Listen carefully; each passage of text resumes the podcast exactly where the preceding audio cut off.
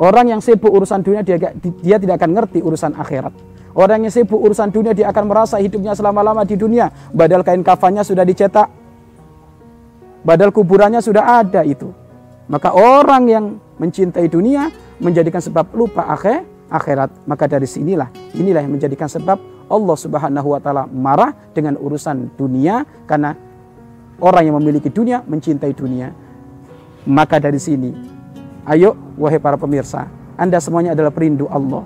Yang jualan, yang bisnis, yang punya usaha, sok jadilah engkau sukses dengan usahamu. Tapi ingat, kehendakmu bukan urusan dunia, tapi kehendakmu urusan akhir, akhirat.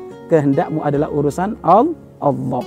Maka kapan engkau menjadi pembeli, kapan engkau menjadi saudagar, kapan engkau menjadi pembisnis, jika pembisnis yang memang hatimu ada Allah, maka di sinilah dunia itu akan menjadikan sukses kamu untuk di akhir di akhirat